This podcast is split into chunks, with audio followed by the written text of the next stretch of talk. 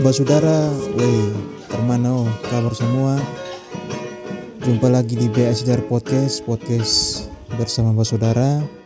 Semoga semua dalam keadaan sehat, tidak kurang satu apa pun, dan senantiasa diberkati oleh Tuhan. Ya, berbicara soal sehat, beta sekarang agak kurang sehat nih. Tapi bukan secara fisik, tapi secara um, batin batin atau apa ya eh, penyebutannya ya. Nah, Mbak Saudara Beta uh, dalam beberapa jam terakhir ini agak terganggu sedikit dengan satu hal yang yang Beta mau bagikan Mbak Saudara saat ini.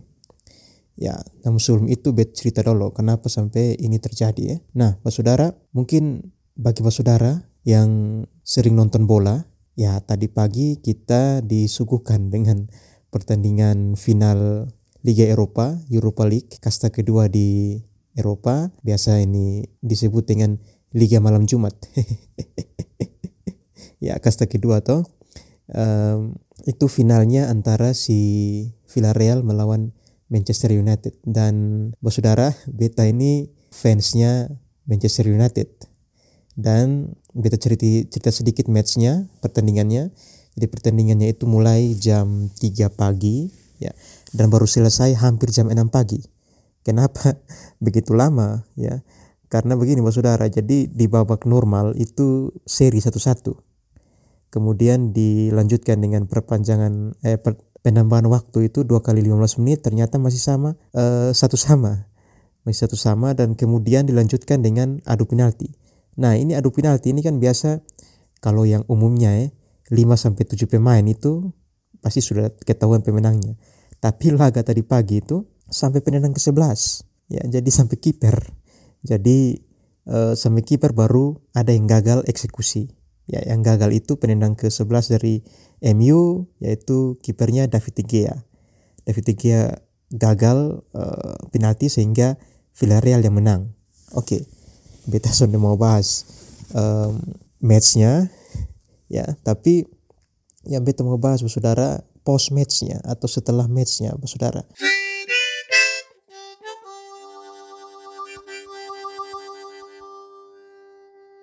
Jadi setelah match itu saudara uh, media sosial kan habis match itu jam 6 pagi sekitar jam 6 pagi beta belum tidur.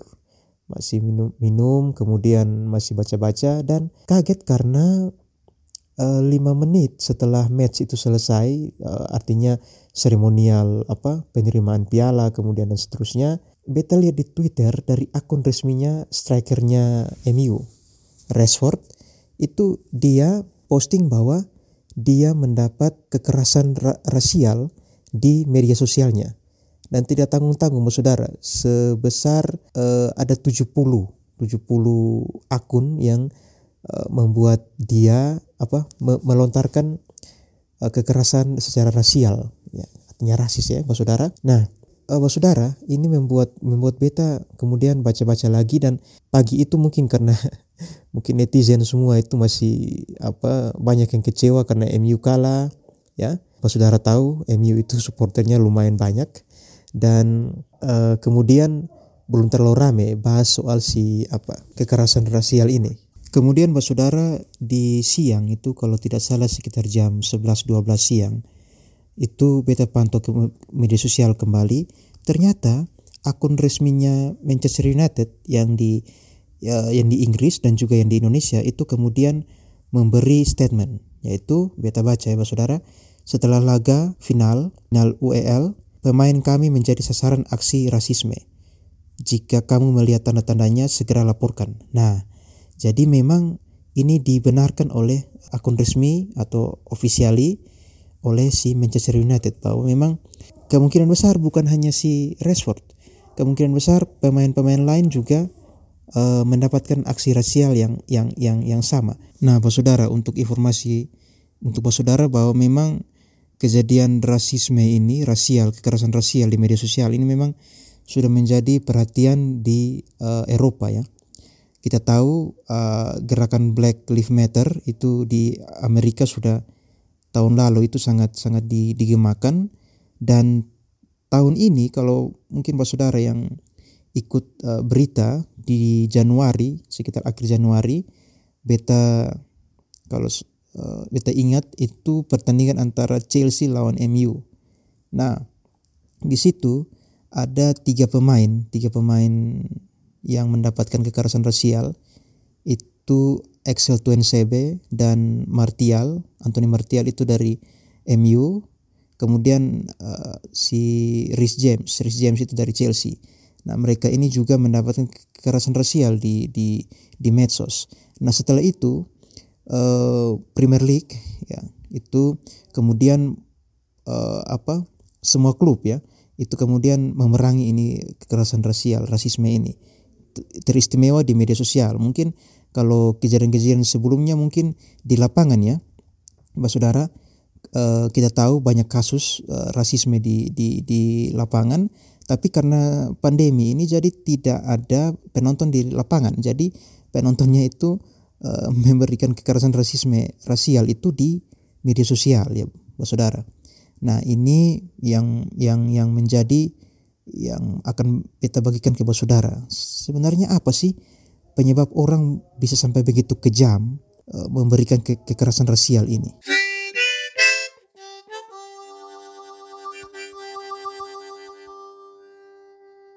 supporter sepak bola Bapak Saudara ya ataupun fans suatu klub biasanya itu akan memberikan kekerasan rasial itu setelah ketika timnya kalah atau pemainnya main jelek kayak contohnya tadi pagi itu Rashford itu mainnya memang jelek.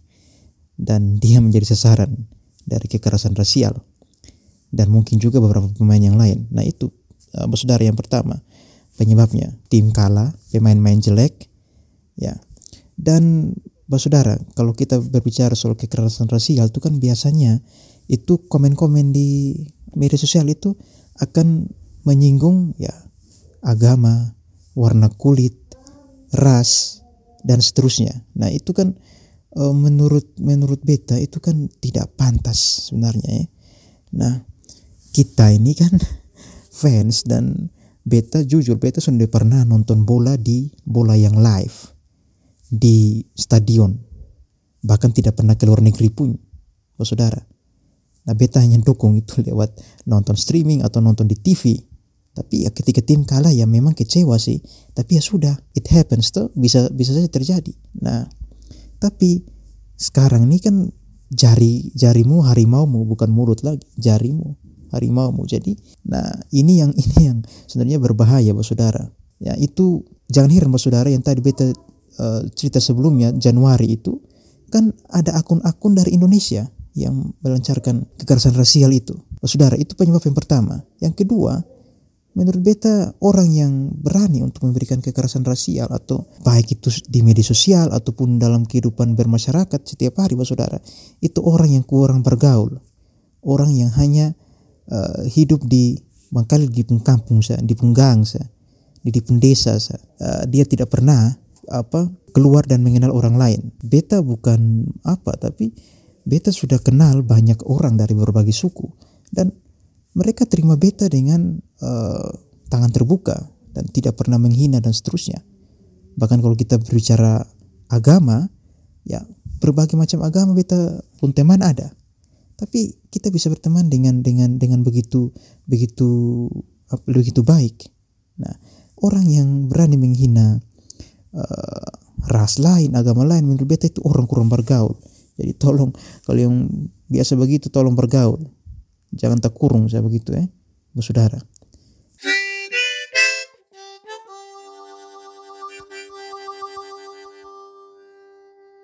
Nah, ini mungkin yang beta membagikan kepada saudara, ketong hidup ini kan artinya manusia itu makhluk sosial. Tidak mungkin lu selama di bawah kolong matahari ini lu tidak butuh orang lain ya. Menurut beta uh, lu jangan apalah menghina orang lah karena perbedaan suku ras agama dan seterusnya. Itu itu kurang baik. Apalagi buat saudara sekarang itu kontrol baik-baik itu kita penjari itu ya. Karena uh, beta lihat uh, banyak informasi yang beredar bahwa sekarang itu juga polisi cyber di Indonesia itu kan sudah mulai beroperasi secara cyber ya. Jadi kita tolong jangan sampai nanti kita dapat peringatan di media sosial kita ya. Karena melancarkan uh, apa penghinaan berbau ras dan seterusnya saudara. Dan menurut beta eh, rasisme itu tidak asik lah. Lu kurang asik kalau lu rasis membedakan warna kulit membedakan agama. Eh, menurut beta itu itu hal yang yang tidak terpuji saudara ya. Sekian dulu untuk BSR Podcast hari ini. Saling menghormati itu penting. Salam damai semua. Sampai jumpa lagi di podcast-podcast selanjutnya